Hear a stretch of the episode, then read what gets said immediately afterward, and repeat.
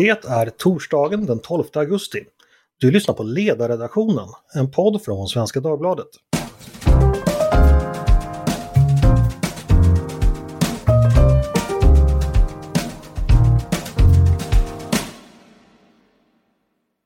I början på den här veckan kom FNs klimatpanel med en ny rapport som sammanfattar det vi vet om de pågående klimatförändringarna och hur de påverkar jorden och oss människor. Rapporten fick, precis som sådana brukar få, det har ju kommit en del, del rapporter genom åren, mycket stor uppmärksamhet både i media och bland politiker.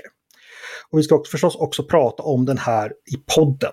Jag heter Andreas Eriksson och med mig för att prata klimat har jag Ellen Gustafsson som är miljö och klimatansvarig på den marknadsliberala tankesmedjan Timbro. Välkommen hit Ellen! Tackar! Och så har jag min kollega Mattias Svensson, Eh, ledarskribent då förstås författare, mångårig debattör i just miljöfrågor, bland annat i egenskap av författare till boken Miljöpolitik för moderater. Hej och välkommen Mattias! Ja, mångårig överhuvudtaget. Hej, tack så mycket! Det är du verkligen på ett mycket bra sätt. Eh, miljöpolitik för moderater tänkte jag skulle vara lite utgångspunkten, inte då just moderater utan snarare att ni två då ska representera det marknadsliberala perspektivet eh, som då kännetecknar betydligt fler partier än Moderaterna och förmodligen också en stor del av resten av landet och många som lyssnar. Det är nämligen just därför ni är inbjudna eftersom jag tror att det här perspektivet kanske många är det kanske inte alltid kommer fram så mycket i debatten. Många kanske är nyfikna på det, många kanske är kritiska mot det. Eh, men jag tror i alla fall det är värt att diskutera de här frågorna utifrån just ett liberalt perspektiv. Eh, och jag söker, precis som jag tror många andra, kanske inte färdiga svar och lösningar, men i alla fall hur man som marknadsliberal tänker och vilka förslag som finns från det hållet. Eh, om vi börjar med en rapport som kom i måndags, Climate Change eh, 2021, The Physical Science Basis heter den. Om vi börjar med den, Ellen. Vad skulle du vilja lyfta fram från den? Vad var det du tänkte när du läste den och eh, ja, vad, vad är det viktigaste därifrån helt enkelt? Mm. Jag skulle säga att en viktig generell lärdom från den är ju helt enkelt att, eh, att effekterna från klimatförändringarna faktiskt, eh, faktiskt märks av redan idag. Att det, eh, att det kommer att tillta med tiden och att helt enkelt vi faktiskt inte har tid med ineffektiv symbolpolitik utan att det krävs ett, ett effektivt gensvar. Eh, och helt enkelt att man faktiskt uppnår resultat snarare än att man, man pratar om fina lösningar men, men helt enkelt åstadkommer lite i praktiken. Okej. Okay. Eh, Mattias, vad säger du? Vad skulle du vilja lyfta fram som viktigast? Ja, jag har då inte läst hela rapporten utan, utan de bekväma sammanfattningar som kommer ska sägas. Eh, och jag är ingen forskare, men jag, jag slås ju av att eh, eh, det, det, är nio år sedan den förra liknande rapporten eh, kom och, eh, och sedan dess har ju utsläppen fortsatt att öka trots allt tal om att, om att minska dem om, om vi ser på global nivå. Det gör att, att eh, många samband är betydligt säkrare idag. Eh, det sker en, eh, man, man, kan mäta en uppvärmning, man kan mäta effekter på, eh, på ett mer påtagligt sätt. Eh, och, och det gör ju att alternativa hypoteser till mänskliga växthusgasutsläpp fa faller ifrån som, som förklaringar. Så på det sättet så, så vi, vi står i ett sämre läge men på solidare vetenskaplig grund för att eh, uppvärmningen faktiskt har de här orsakerna. Okej, okay. alltid något kanske. Ja. Eh, vad skulle ni säga, som jag sa inledningsvis, det har ju kommit massa reaktioner förstås. Tidningarna har skrivit massor, eh, även de politiska partierna i Sverige har förstås uttalat sig. Vad säger du Ellen, när du har eh, tittat igenom de olika politiska reaktionerna? Eh, vad finns det att lyfta fram därifrån? Eller finns det någonting där som har förvånat dig eller som du tycker är värt att uppmärksamma? Nej, jag skulle inte säga att det var någonting som riktigt var förvånande utan det som står i den här rapporten är ju egentligen mycket sånt som man känner till sedan tidigare. Människan påverkar eh, givetvis klimatförändringarna och att de här effekterna eh, syns och märks av redan idag. Eh, utan många tog väl egentligen den här rapporten som, en, som ett tillfälle att, att lyfta fram de lösningarna som man helt enkelt eh, föredrar själv. Eh, jag noterade dock att det var flera stycken som lyfte fram att vi behöver skärpa målen eh, som svar på det och att eh, de skulle säga att, jag, jag, skulle säga att det kanske är mer intressant att prata om vad lösningarna är eh, här idag för att för att klara av att minska utsläppen snarare än att fokusera enbart på målen. Ja, lösningar. Vi kanske ska gå direkt över till dem. Eh, Mattias, vad är det för lösningar vi har kvar? Vad har vi för kort i bakfickan för att klara den kris som eh, vi, eller de stora förändringarna i alla fall, som jordens klimat står inför och alltså med de följande skillnader i förändringar i livsvillkor för, för människan? Det absolut viktigaste är ett pris på eh, utsläpp eh, och eh, det har vi tragglat länge och vi har ju det i både vi har, vi har koldioxidskatt i Sverige, vi har Eh, ett utsläppssystem inom EU, men det är fortfarande många utsläpp som, som inte omfattas av de här systemen och, och ett antal undantag och gratisutdelningar och sånt där. Eh, och, och vi har tyvärr liksom att eh, USA inte vill införa det här trots att det är ganska stor enighet om att det här är det, det effektivaste sättet att, att få ner utsläppen just för att eh, om, om, om du har ett pris på utsläpp genom eh, handel med utsläppsrätter så kan företag som har lätt att minska sina utsläpp eh, minska mer eh, och, och sen sälja sina utsläppsrätter till den som har svårare att göra det. Så på det sättet så, eh, så får man utsläppsminskningarna där det är som mest effektivt. Mm. Så, så det är den absolut viktigaste åtgärden, men det finns en massa andra som att fasa ut klimatskadliga subventioner, eh, att, eh, att investera i forskning och utveckling eh, och eh, eh eventuellt att, att, eh, att försöka gynna exempelvis genom energisystemet, eh, se till att fasa ut eh, fossila ener energier och, och få sin energi från, från annat håll. Eh, eller vad säger du Mattias? Talar prisa bort eh, utsläppen, minska subventioner till felaktiga saker, satsa på forskning och utveckling och hoppas på eh, nya innovationer. Har du något annat eller något kompletterande till det receptet? Nej, jag skulle säga att jag är helt enig med, med Mattias här. Det absolut viktigaste är ju ett, ett pris på utsläpp. Det måste kosta att smutsa ner atmosfären och precis som eh, Mattias var inne på så ligger ju Sverige och EU faktiskt i, i framkant här och priset in, inom EU på att, på att smutsa ner har ju faktiskt också gått upp ganska rejält eh, de senaste åren och nu under våren. Eh, men klimatet är ju också tyvärr ett globalt problem eh, och det är dessvärre bara ja, runt 22 procent av världens utsläpp som faktiskt omfattas av ett, ett pris på utsläpp.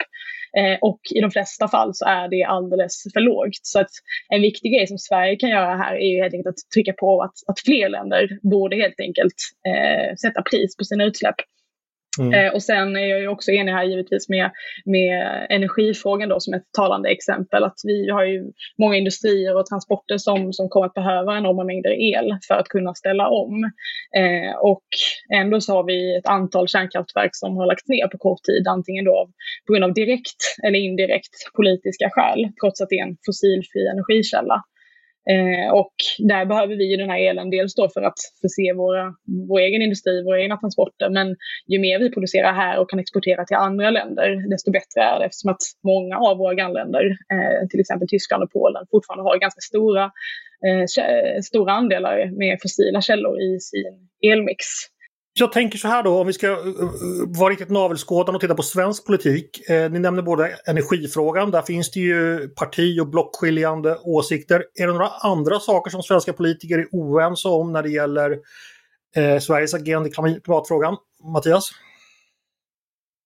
Ja, det finns ju alltid eh, eh oenighet eh, både kring liksom vilken tyng tyngdvikt och sådär. Eh, jag tycker ju förvisso inga av de här åtgärderna är ju några slags ideologiskt eller partipolitiskt unika lösningar utan, utan alla eh, torde vara, vara överens om eh, värdet av, eh, av dem. Eh, och, eh, och det är lite grann, just, just när det handlar om den, den här typen av planetära frågor så går det att hitta ganska stor enighet eh, när, när man eh, enades om att fasa ut eh, freoner för att rädda ozonlagret till exempel. Det drevs ju av, av eh, Reagan-administrationen, eh, det, det drevs i Europa av, eh, av Margaret Thatcher till exempel ihop med skandinaviska socialdemokrater. Eh, så, så just i sådana här ödesfrågor handlar det mer om kanske vad, vad, man tror fungerar och där får man en lite, lite olika mix. Mm. Vad, vad säger du Ellen om det? Hur, Om vi håller kvar oss envist som, som den navelskådare är med svensk politik, vad finns det för politiska så att säga, skiljande frågor där när det gäller hur vi förhåller oss till klimatkrisen? Mm. Jag skulle inte säga att, så att det här med att det inte finns några ideologiska skillnader utan energi Frågan är ju ett sådant exempel där man faktiskt har en ganska stor skillnad mellan, eh, ja, helt enkelt att man, man värderar olika fossilfria energislag olika. Eh, man, man helt enkelt väljer vinnande tekniker på förhand. Men från vänstern vill man ha förnybart till exempel medan man från ett borgerligt perspektiv ofta, mer, ofta pratar om fossilfri, fossilfrihet, eh, vilket också inkluderar till exempel kärnkraften. En annan sån fråga skulle jag säga är skogen som också har blivit föremål för ganska hetsk debatt den senaste tiden. Eh, där, och skog skogen, den svenska skogen, binder alltså motsvarande 70 procent av vad resterande sektorer släpper ut. Och det är mycket tack vare ett aktivt skogsbruk som har lett till en ökad tillväxt i skogen. Eh, och ändå så betraktas det av somliga som en slags motsvarighet till, en svensk motsvarighet till, till oljeindustrin. Eh, vilket också då har lett till att faktiskt äganderätten i skogen är, är, är hotad. Ehm, så att där skulle ju klimat, klimatet må bra av ett större inslag av klassisk borgerlig politik som, som starkt äganderätt helt enkelt. Eh, och en annan sån fråga är också att vi i Sverige faktiskt har, har turen att ha fyndigheter med viktiga metaller och mineraler som behövs för att kunna ställa om och elektrifiera eh, stora delar av samhället. Eh, och i EU har man, ju, har man ju helt enkelt identifierat ett stort antal råvaror eh, som, som behövs för den här omställningen och där hälften av dem ungefär finns, finns i Sverige. Eh, problemet är att det finns ett väldigt starkt motstånd fra, från regeringen, från vänstern, eh, att faktiskt utvinna dessa. Mm. Eh, och därmed kunna bidra till omställningen globalt. Okej, okay. men kan man säga då att klimatfrågan håller kanske på att bli politisk i högre grad i Sverige eftersom nu är alla partier ute på banan. Man börjar liksom hit, tidigare var det liksom mer ett diffust problem som någon annan skulle lösa. Man diskuterade till och med om det ens var ett problem. Nu är har det liksom blivit att alla har satt sina ideologier och sina eh, tänkande människor på det. Eh, Mattias, förstår du vad jag menar? Är vi på väg åt ja, det hållet? Ja, ja, ja, ja. Och, och där finns ju en hel, jag menar, Socialdemokrater till exempel är ju mer hands-on eh, och, och, och, miljöpartister också för den delen. Alltså det finns ju få manliga språkrör som inte liksom har hyst, hyst en en ganska illa dold längtan efter att bli bilfabrikör och liknande. Eh, man, man, har velat ta över Saab och andra för att, för att liksom skapa de här tekniska eh, föregångarna eh, på, på det förnybara området.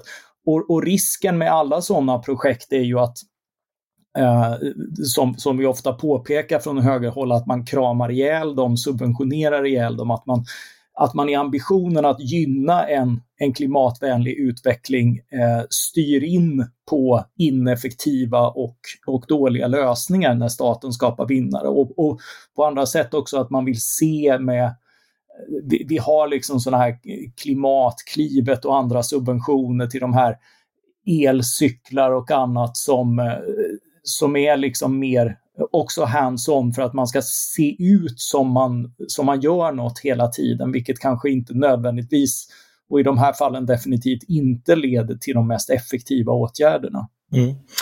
En fråga som ofta dyker upp, i alla fall eh, från min något perifera position i debatten, det är ju då hur Sverige i relation till sin omvärld. Vi är 0,7 promille av mänskligheten. Vi är något större när det gäller BNP naturligtvis och, och klimatpåverkan. Men vi är ändå ett ganska litet land. Eh, Sverige där då som föregångsland eller som eh, innovationsland eller vad man ska säga. Alltså vilken roll, finns det meningsskiljaktigheter vilken roll Sverige ska spela i den globala eh, klimatomställningen. Vad säger du Ellen? Hur, hur förhåller sig Sverige versus liksom den globala utvecklingen? Mm. Politiskt. Eh, absolut. Jag skulle säga att det i alla fall från vänstern finns ett ganska, eh, ett ganska stort fokus på vad, vad Sverige kan göra i Sverige. Eh, men närmast liksom klimatnationalistisk syn eh, som, som bortser från vad, vad effekterna av svensk politik är på, på ett globalt plan eller på, på, eh, på klimatet eftersom att det är en global fråga. Eh, Sverige skulle ju mer eller mindre kunna sluta existera som land imorgon och det hade haft en ganska liten effekt på världens förmåga att, att nå målen som, som är, finns i Parisavtalet. Eh, så att jag tycker att det finns många också exempel på det. Eh, till exempel turerna just nu kring, kring Cementa eh, som, som eh, visar att det finns ett, ett problem skulle jag säga med den svenska miljö, miljölagstiftningen. Eh, och till vänster betraktas inte det alltid som ett problem att industrier tvingas stänga ner för att man, man är mer inriktad på att hitta lösningar som enbart minskar utsläppen snarare än lösningar som minskar utsläppen samtidigt som man tar tillvara andra mänskliga intressen som tillväxt och utveckling. Eh, Cementa gick ut bara för någon månad sedan och sa att de till 2030 ska bli helt koldioxidneutrala i en bransch som står för en, en ansenlig del av, av världens utsläpp. Så att, att ett sådant företag faktiskt får, får eh, helt enkelt göra den här resan och visa andra att det går, skulle jag säga, har ett väldigt stort föregångs, eh, föregångsvärde helt enkelt. Mm. Eh, samma sätt då att man faktiskt åstadkommer resultat och snarare att man slänger enorma mängder pengar i sjön på åtgärder som är ineffektiva och inte ger resultat. Okej. Okay. Mattias, är det så enkelt helt enkelt att eh, man från vänsterhåll alltså inte ser det fulla värdet av utveckling och tillväxt och därför så att säga lägger ner för mycket energi på att bara stoppa Alltså det är ju en tacksam förklaring kanske framförallt för oss som kommer från högerhållet, men är det så simpelt? Eh, det, det, finns ju definitivt den aspekten och det finns, det finns en, eh, en estetisering av, alltså en, frågor som ser ut att sluta illa och, och miljöfrågor är ofta sådana innan, innan man löser dem eh, och, och klimatfrågan är, är definitivt en sån. Eh, de, de lockar ju folk som hyser en slags existentiell ångest i, i liksom välbärgade samhällen. Och, som de som oroar sig över för mycket skottlossning och invandrare i Sverige också kanske? Eh, ja, det är, det är ju en annan, eh, en, en, en, annan sån liksom, eh, kommande undergång. Men, men eh, mer liksom en sån här välbärgad vantrivsel över över att, vad välståndet gör med oss och sånt där som, som leder till liksom, eh, att alternativa teorier säljer väldigt bra för dem. Och då är det alltid liksom någon sån här total omställning. Vi, vi, vi har ju vår grannpodd här, Medicinmannen, om, om ett rätt extremt exempel. Men de här tankarna om att det skulle vara liksom både själsligt danande och och liksom eh, absolut nödvändigt att, att, eh, att, att producera och konsumera mindre och att, att vi på något sätt har förbrutit oss mot naturen genom att, att göra så mycket som möjligt av, av dess resurser. Den, den aspekten finns eh, och, och den, den gör att miljörörelsen har emellanåt och, och de gröna lite grann en, en närmast estetisk uppfattning om hur det ska vara när man, när man förespråkar förnybart enbart istället för allt som är eh, koldioxidsnålt, alltså inklusive kärnkraft, eller när man motsätter sig genmodifierade grödor som, som har enorma fördelar som matproduktion, men som inte passar i den här eh, e-, e-, estetiska synen på, på hur jordbruk ska, ska ske.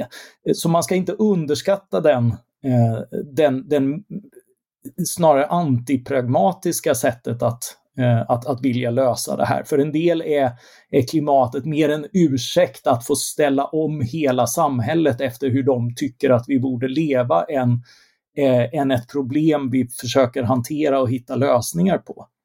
Ellen, eh, Mattias beskriver då eh, en del av eh, klimatrörelsen, eh, den som står till vänster, som att det finns ett existentiell ångest, ett, alltså en försmak för lösningar som snarare handlar om estetik, eh, en sorts, alltså jag tolkar en viss tvivelaktig moral också. Ser du liknande?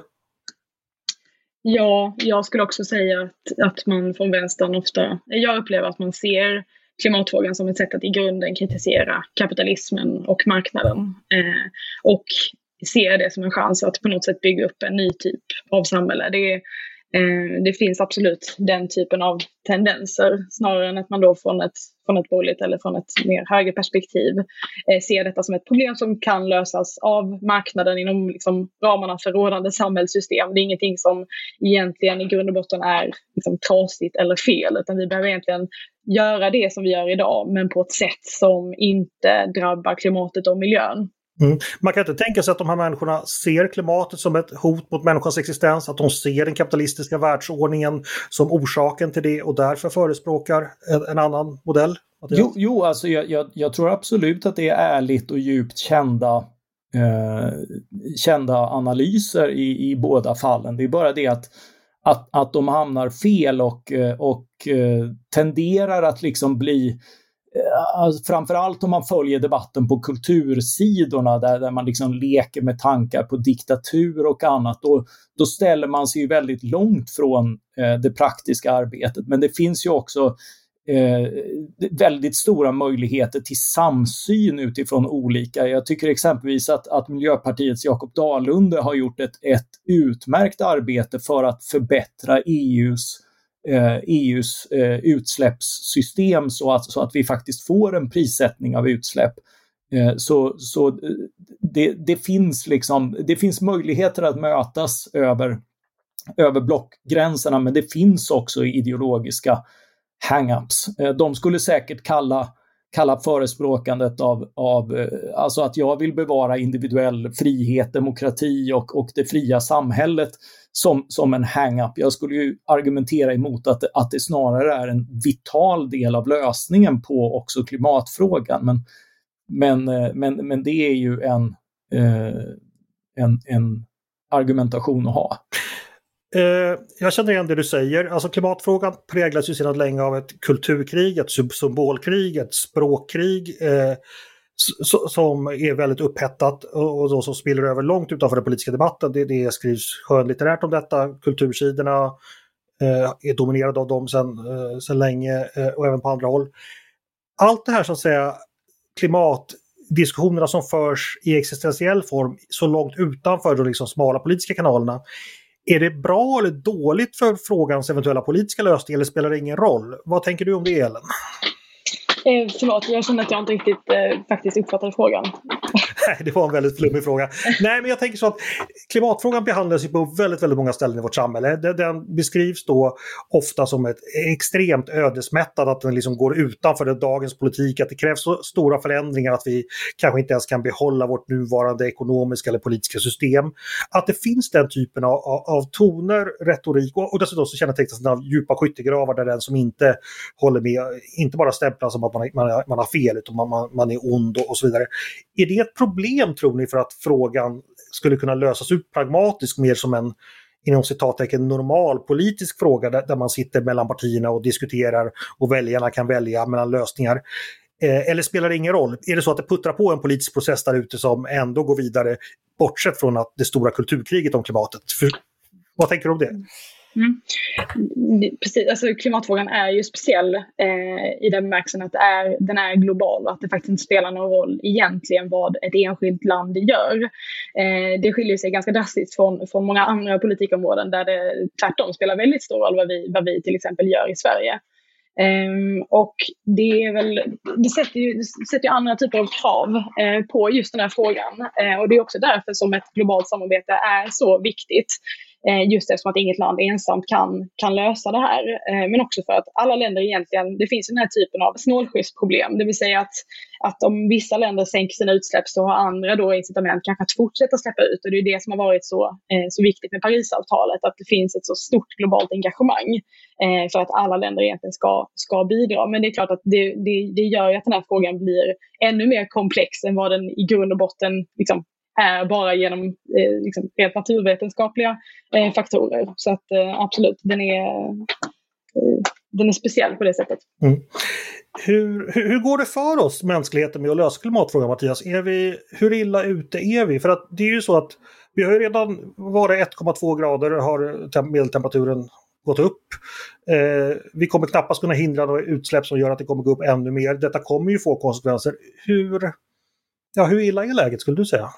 Alltså, vi, vi är inte nära att nå några av de uppsatta målen för, eh, för att begränsa utsläppen. Eh, in, inte på långa vägar eftersom trenden är fortfarande väldigt stor ökning och inte minst alltså den stora aktören här är ju Kina, delvis genom landets storlek men också genom landets politik som, som investerar extremt hårt i i nya kolkraftverk som ju är de, de, de absolut värsta utsläpparna. Eh, så, så på det sättet så, så är vi ju på väg åt fel håll och även i andra länder. Jag menar, eh, Sverige har minskande utsläpp, Europa och USA har också minskande utsläpp sedan, eh, sedan 1990, men, men det är inte alls i den takt som skulle krävas för att att kunna fasa ut utsläppen totalt inom några decennier. Eh, vårt, vårt beroende av eh, fossil energi eh, i, i, stora drag, eh, kolberoendet har minskat på ett bra sätt i, i många länder, men, men eh, generellt sett så, så, är fossila bränslen fortfarande det som, det som driver stora delar av, av våra ekonomier och samhällen. Mm. Så, så att vi, vi, är inte nära att nå de målen, så då är frågan hur, hur illa kommer det att hinna bli innan, eh, innan vi är eh, in, innan vi är i kapp så att säga. Och där, Eh, där innehöll den här IPCC-rapporten en del, eh, man, man har börjat titta på eh, prognoserna och sådär och inser att, att eh, de här allra värsta scenarierna bygger, bygger ändå på en ökning av användning av fossila bränslen i, i en takt som, eh, som förmodligen är, är orealistisk även om vi bara kör på som eh, ungefär som nu eller, eller försöker så bra vi kan. Eh, men, men vi kommer att behöva dels tur och vi kommer att behöva hantera ett, ett varmare klimat eh, därför, att, därför att ingenting talar för att, eh, att de här målen som sattes i Paris kommer, kommer att uppnås. Mm. Ja, det, det kommer att bli varmare eh, och sen det talas ju ibland om sådana här uh, tipping points i klimatet, att vi får säga får det än jävligare helt plötsligt för att vi sätter igång processer som, som blir helt oförutsägbara. Finns det något att säga om det Mattias? Hur, hur stor är risken för sådana? Säger rapporten något om, om detta? Det, det är ju anledningen till att, eh, en anledning till att man vill ligga vid eh, 1,5 eller, eller 2 graders uppdra, eh, uppvärmning för att även om risken är liten ska sägas för, för den typen av, av skenande utveckling, till exempel att, att meta, när, när, när tundran smälter eh, i exempelvis Sibirien så så blir metanuts kan metanutsläppen som nu är bundna i marken bli så stora att då, då spelar det inte längre någon roll att vad vi gör för att minska utsläpp därför att då, då, då har du en självförstärkande process. Och likaså att när, när isarna smälter så är det inte bara det att, eh, att, att vattennivån blir högre utan det är också blått vatten istället för vit is så att eh, Eh, det, det, det, sugs upp mer värme som inte studsar tillbaka ut i atmosfären och det kan också bli, eh, bli självgående efter en viss eh, tendens. Vi är fortfarande ganska långt ifrån där de här riskerna är påtagliga, men grejen är att vi vill liksom inte vara nära det där ops-ögonblicket där det inträffar. Nej. Ellen, vad säger du? Hur oroad är du inför framtiden? Vi vet att klimatet kommer fortsätta bli varmare under överskådlig tid, låter det som på Mattias. Och även fast riskerna för de här extrema effekterna kanske ännu inte är så stora så finns de där. Hur oroad ska man vara tycker du? Alltså det är ju en, en lång väg kvar. Eh, om jag minns rätt så säger IPCCs rapport att vi kommer nå eller passera 1,5 gradersmålet inom 20 år. Eh, samtidigt så skulle jag säga att det som är positivt i det här är ju att det finns så många verktyg som vi vet faktiskt är effektiva som är oanvända i stora delar av världen. Så som prissättning av utsläpp, eh, så som miljöskadliga subventioner som måste slopas. Eh, och idag är det ju ganska lätt att vara en marknadsliberal miljövän i form av att det finns så mycket initiativ från näringslivet, från olika länder, från finansmarknader och så vidare som faktiskt vill vara med eh, och göra skillnad och som, som är innovativa. Så att jag skulle säga att jag ändå är optimistisk. Eh, och det finns ju också verktyg som, är, eh, som betraktas som kontroversiella, eh, till exempel geoengineering som innebär att man i princip ja, sprider upp partiklar i atmosfären eh, som, som ganska drastiskt kan sänka temperaturen på ganska kort tid. Eh, så det finns ju lite sådana eh, lösningar som man i sista, eh, sista skede kan, kan pröva. Ehm, men eh, så att, ja, jag skulle säga att det ändå finns chans, eller det finns eh, skäl att vara, att vara hoppfull även om det ser, ser lite dåligt just eh, på det globala klimatarbetet just nu. Mm. Om, om jag bara, det, det finns eh, kring, kring det här, ett, ett litet land kan inget göra. Man, man, ska inte underskatta värdet av att leva i just en globaliserad värld. Därför att den, inte minst de som växer upp idag har hela världen som sin marknad och därmed också hela planeten som, som sitt ansvar och det här ger väldigt stora möjligheter att kunna introducera Eh, introducerar man teknik, det är, ju, det är precis som våra storföretag nästan oavsett vilken nisch de har, de har en världsmarknad. De påverkar vad som händer i sin nisch över hela världen. Eh, och eh, när de säljer eh, mer resurseffektiv teknik så är det inte bara till en svensk marknad utan till en världsmarknad. Och på det sättet eh, kan förbättringar väldigt snabbt få stora genomslag. Ett, ett lite ironiskt kul exempel är ju i Afghanistan där man eh, där, där, som, som ju efter USAs ockupation blev världsledande på att producera opium för det var den enda produktion som fanns kvar. Eh, och det var förstås inte så bra och, och det är inte speciellt eh, resurseffektivt att pumpa upp vatten för att driva de här opiumodlingarna. Men det är ändå kul att notera att det man använder då är eh, är pumpar drivna med solenergi därför att det är billigast. Och, och kommer, är den miljövänliga tekniken billigast så kommer den att säljas överallt. Alla kommer att vilja ha den. Eh, och, och, det är ju vad man, vad man vill åstadkomma och, och eh, det sätt på vilket människor, företag och länder kan få en oerhört stor och oproportionerlig betydelse i det här arbetet. För att bara kommentera det också. Det, det kom ju en, en, rapport i våras, tror jag det var, från Svenskt Näringsliv som också visade att, att eh, svensk export helt enkelt bidrar till en klimatnytta som motsvarar ungefär hälften av vad vi släpper ut varje år genom att den just då tränger undan smutsig export i andra länder. Så det är precis som Mattias säger. Mm. Eh, jag tänkte så här, eh, vår tid börjar ta slut, men jag undrar om ni skulle lyfta, lyfta fram något perspektiv kring, kring klimatförändringarna och, och de negativa effekterna som det leder fram till, eh, som ni tycker missas i den vanliga rapporteringen, eller i alla fall kanske förtjänar en större plats. Vad skulle det vara för någonting som ni tycker att våra lyssnare skulle kunna ja, vilja behöva veta eller kunna förkovra sig mer i? Vad säger du Mattias? Ja, alltså jag, jag tycker man här som på, på andra ställen eh, underskattar det, eh, det fria samhället som Eh, som, som både lösning och, och önskvärd ordning nästan oavsett hur vi, hur vi hanterar det här problemet. Därför att eh, eh, vad, vad, vi behöver är en, en, dynamisk ekonomi, människor som kan ta ansvar men också hitta, eh, hitta lösningar genom specialisering. Det handlar väldigt lite om att alla måste underkasta sig samma regler och väldigt mycket om att, att var och en bör kunna göra eh, intressanta och, eh, och fantastiska saker för att hitta en, enstaka genombrott och, eh, och roliga saker att göra. Så, så trots allvaret så, så är det oerhört viktigt att, att liksom börja, börja med det roliga och inte med, med, med det tråkiga därför att, därför att där har man möjlighet att göra betydligt större skillnad och då kan länder liksom lite grann bli som ett ett knytkalas där man kanske har råd att, det är ju oerhörda kostnader som vi idag lägger delvis från statligt håll. Staten har en större roll här än, än, än jag vill se på många andra områden eh, för att exempelvis ta fram fossil Eh, fossilfritt eh, stål som det kallas, väldigt energikrävande och sådär.